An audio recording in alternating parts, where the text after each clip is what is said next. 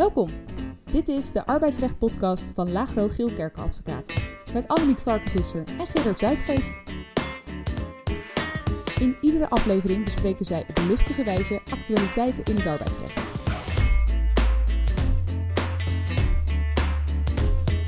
Welkom bij de tweede podcast van 2023. Ja, Annemiek, uh, wat gaan we deze keer doen?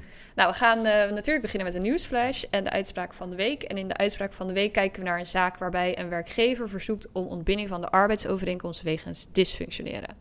En de werknemer die weigerde in die zaak mee te werken aan een verbetertraject om bepaalde targets en uh, KPI's uh, te behalen. En nou ja, dat loopt uiteindelijk niet goed af voor de werknemer, maar daar gaan we straks uitgebreid op in. Ja, dat lijkt me sowieso goed nieuws voor werkgevers als het niet goed afloopt Ja, voor werknemer. Inderdaad. Uh, maar eerst de prijsvraag. Ja. Het goede antwoord was natuurlijk de prijsvraag van vorige keer, Hmm. waarin we vroegen hoeveel ontslaggronden zijn er in de wet vastgelegd. Nou, er zijn er zeven, uitgewerkt, opgenomen. En daarnaast is er een ja, restgronds, overige gronden. Eh, nou, als je acht had gezegd, was dat ook goed. Hè? En er is een cumulatiegrond. Eh, ja, en we sturen taart op naar de winnaar. Ja, ja. Nou, ik dank jullie wel voor jullie inzendingen. En wie weet eh, doen we volgende keer nog Ja. een keer een prijsvraag. Wel leuk. De nieuwsflash dan maar. Ja, nieuwsflash. Yes. Wat moet je weten? De nieuwsflash. Ja, de nieuwsflash beginnen we met... ehm, ik kwam een bericht tegen over het wetsvoorstel... Wet verantwoord en duurzaam internationaal ondernemen. Ja, dat wetsvoorstel lijkt in een arbeidsrechtpodcast misschien wat ver van het bed... maar dat is het denk ik toch minder. Het is dichterbij dan we denken. En wat in het wetsvoorstel wordt geregeld... dat alle ondernemingen, dus ook alle kleine ondernemingen...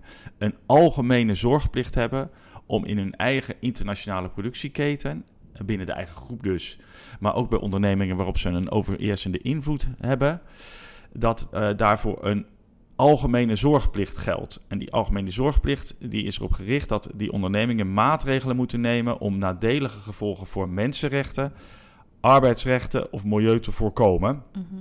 te herstellen en eventueel activiteit ook te staken. Het gaat bijvoorbeeld om kinderarbeid. Daar staat in het wetsvoorstel dat 150 miljoen kinderen i- op de wereld eh, eh, kinderarbeid leveren. Slavernij, 50 miljoen mensen wereldwijd. En maar het gaat ook om discriminatie, vrijheid van vereniging, eh, collectieve onderhandelingen. Een vrij breed pakket. En als eh, de kern van de wet is dat als bedrijven zich in het buitenland zich niet aan dat soort bepalingen houden, zij in Nederland aanspraken kunnen worden gesteld door betrokkenen. En dat kan ook een, een, een, bijvoorbeeld een milieuorganisatie zijn. En daarnaast, naast die algemene zorgplicht voor alle ondernemingen in Nederland, wordt voor grote werkgevers verdergaande concrete verplichtingen opgesteld. En daarbij geldt dan ook een. Eh, daar wordt ook dan actief toezicht op gehouden hè, voor die grote werkgevers. En kan strafrechtelijke consequenties hebben, het kan bestuursrechtelijke consequenties hebben, namelijk opleggen van dwangsommen en eh, boetes. En het kan eh, civielrechtelijke aansprakelijkheidsproblemen opleveren. Mhm. Dus dat zou, en dat is allemaal in het zicht, nou ja, vooruitlopend op Europese wetgeving. Hè. Europees is er al wat aangenomen, althans heeft de Europese Commissie heeft een conceptrichtlijn opgesteld. Maar het kan nog heel wat jaren duren voordat dat zich vertaalt in wetgeving. Heeft men in de Tweede Kamer ge- gedacht, nou daar moeten we op vooruitlopen. En Boskalis heeft al gemeld, nou, als deze wet wordt ingevoerd, gaan wij weg uit, Ne- uit Nederland Mhm. omdat men vindt dat we dan eigenlijk ja, on- internationaal ondernemen feitelijk onmogelijk wordt gemaakt. Ja.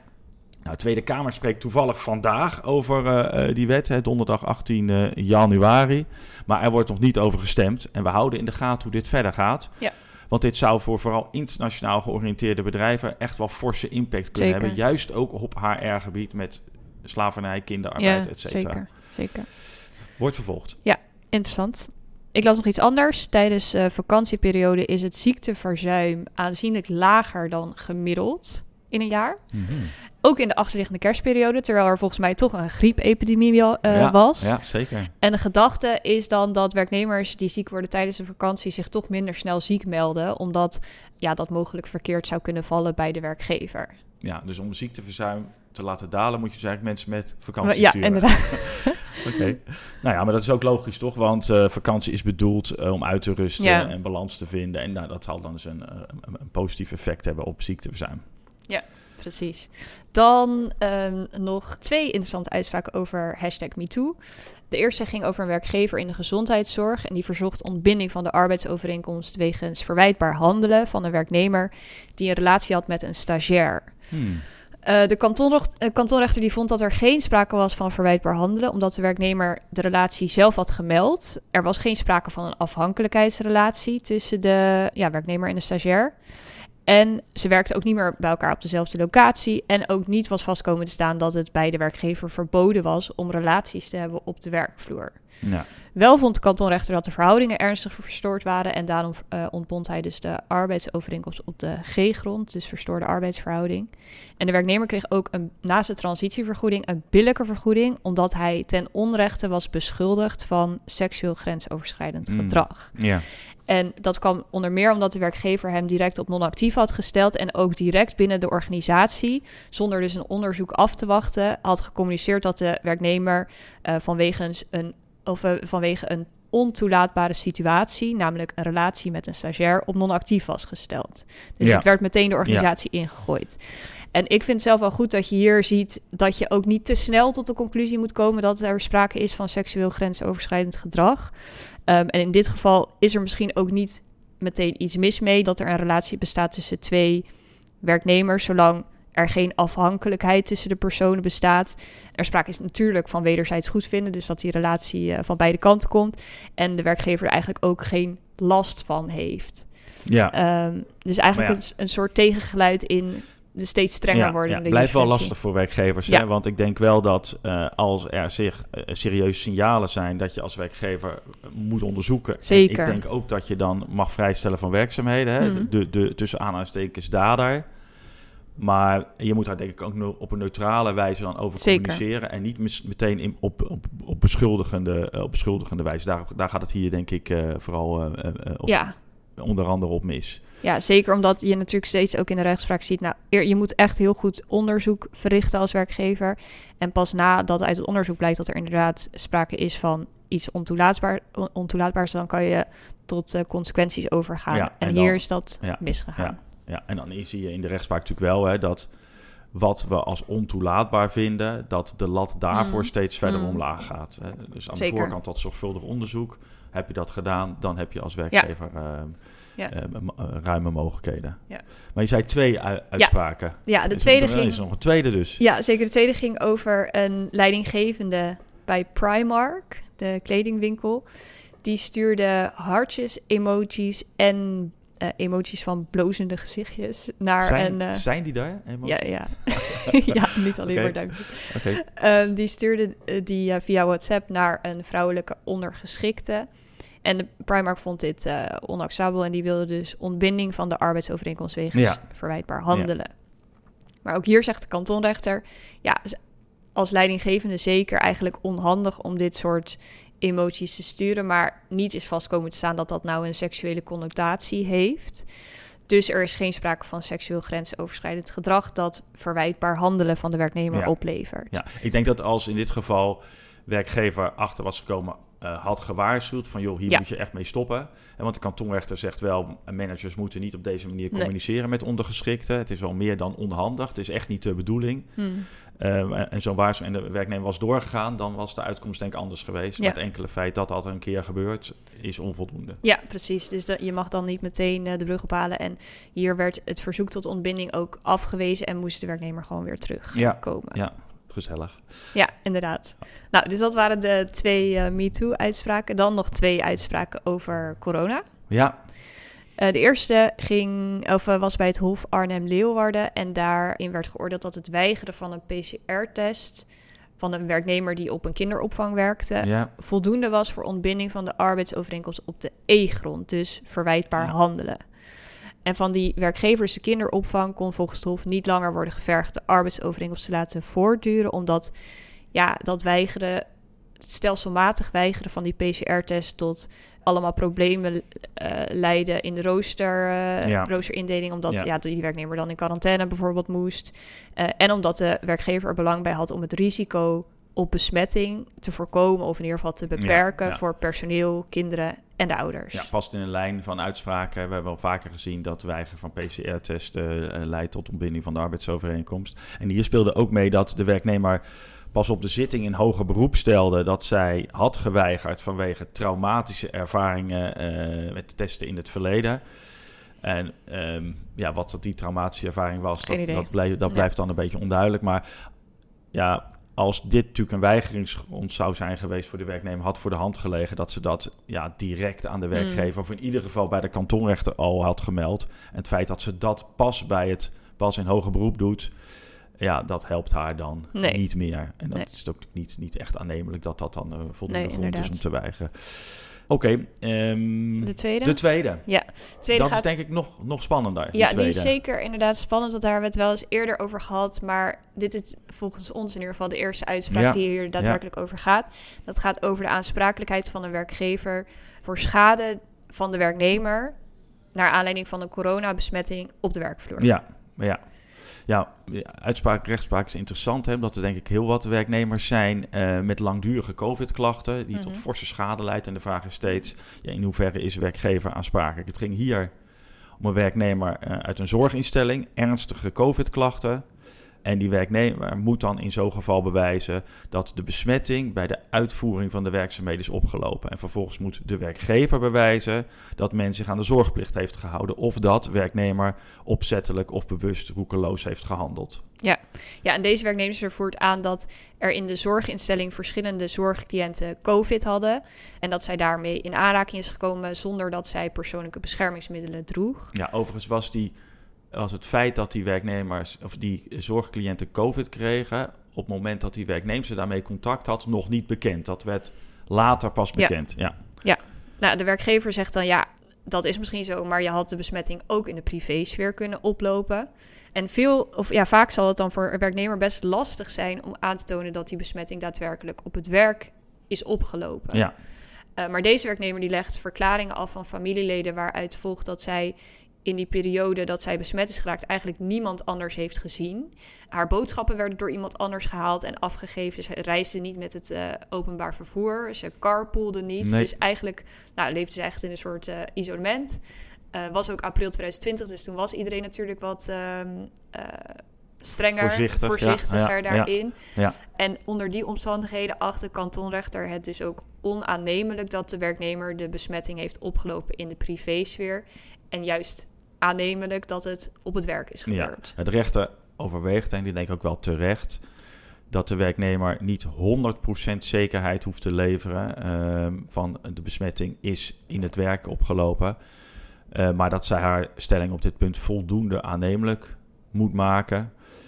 En uit deze zaak volgt dat de gedachte die wij eh, eerder wel eens hebben aangegeven, dat het voor een werknemer eigenlijk bijna nooit, tenzij een werkgever erkent dat de besmetting op de werkvloer uh, heeft plaatsgevonden. Dat het voor een werknemer eigenlijk heel lastig is of bijna nooit lukt om uh, aannemelijk te maken dat op de besmetting op het werk heeft plaatsgevonden. Dat die stelling uh, ja, blijkt te zijn gelogenstraft door deze uitspraak. En dat er wel degelijk omstandigheden zijn waarin de werknemer die, die, aannemelijkheid kan laten vaststellen. En dus ook de schade kan laten verhalen. Mm. Want ten aanzien van de zorgplicht hebben, laat de rechter maar weer eens zien hoe hoog die lat ligt. Mm rechter stelt vast, de zorginstelling heeft gewoon de algemene RIVM-maatregelen gevolgd. Maar toch wordt niet aan de zorgplicht uh, voldaan volgens de rechter, omdat eigenlijk twee dingen. De werknemster heeft gevraagd, joh, mag ik overal een mondkapje dragen? Daarvan heeft de werkgever gezegd, nee, dat, dat willen we niet. Dat was overigens in lijn met uh, de RIVM-richtlijnen destijds. Hè. En um, de um, uh, tweede element was ook in lijn met RIVM-richtlijnen. Uh, eh, er moest als het ware ja, steeds worden bepaald of het verstandig was of logisch was dat in contacten met zorgcliënten persoonlijke beschermingsmiddelen werden gedragen. En dat mochten werknemers niet zelf bepalen. Destijds gold nog. Het is niet verstandig en ook onnodig om mondkapjes en dergelijke bij zorgcliënten te dragen als ze geen COVID-verschijnselen hebben. Nou, daar, aan die richtlijn heeft de werkgever mm. zich gehouden. Maar dat was volgens de kantonrechter onvoldoende. En dan zie je, uh, werkgever heeft een eigenstandige verplichting om uh, Ja. te kijken naar alle maatregelen. Dan zie je dat die lat echt wel heel hoog ja, ligt. zeker.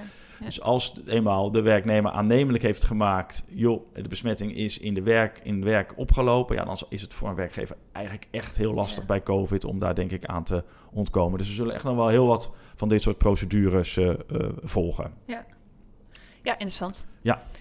Dan als laatste in de nieuwsflash eh, de CAO-loonontwikkelingen. Sinds eh, 2008 zijn de CAO-lonen niet zo hard gestegen als in 2022. De loonstijging was eh, gemiddeld 3,2 procent.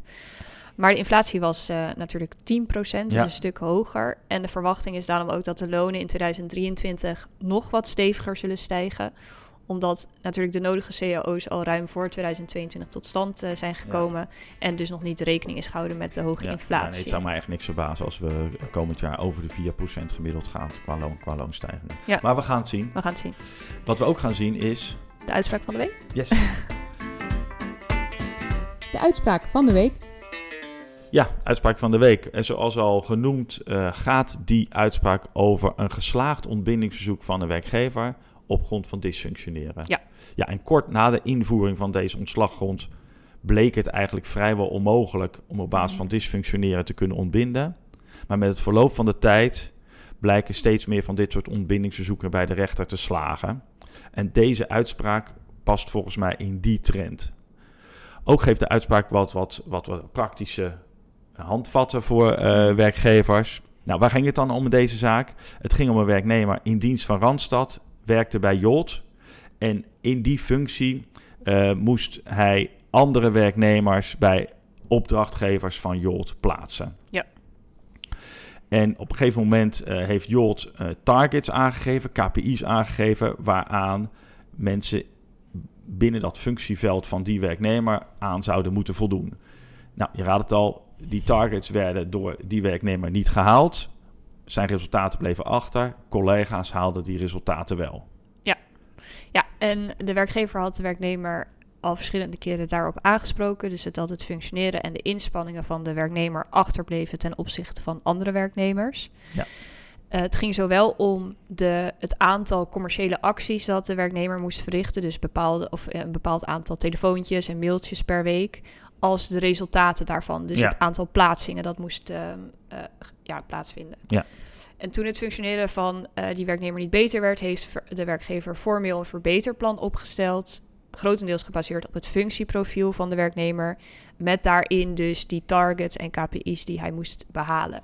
De werknemer die weigerde akkoord te gaan met dit verbeterplan omdat hij het niet eens was met die targets en de KPI's. Die waren in de visie van de werknemer onredelijk en bovendien vond hij de duur van het verbetertraject, namelijk zes weken, te kort. Ja, en even kort door de bocht. Omdat de werknemer eigenlijk blijft weigeren aan dat verbetertraject eh, om daarmee in te stemmen en het daarom niet kan worden gestart, vraagt de werkgever ontbinding van de arbeidsovereenkomst op basis van dysfunctioneren en dat lukt. Want de kantonrechter zegt in de kern, het is aan de werkgever om te bepalen waar het functioneren van de werknemer op moet verbeteren. En als de doelstellingen in zo'n verbeterplan niet onredelijk zijn, dan moet de werknemer daar gewoon aan meewerken. Ook al vindt de werknemer zelf hè, die, eh, die, die targets onrealistisch.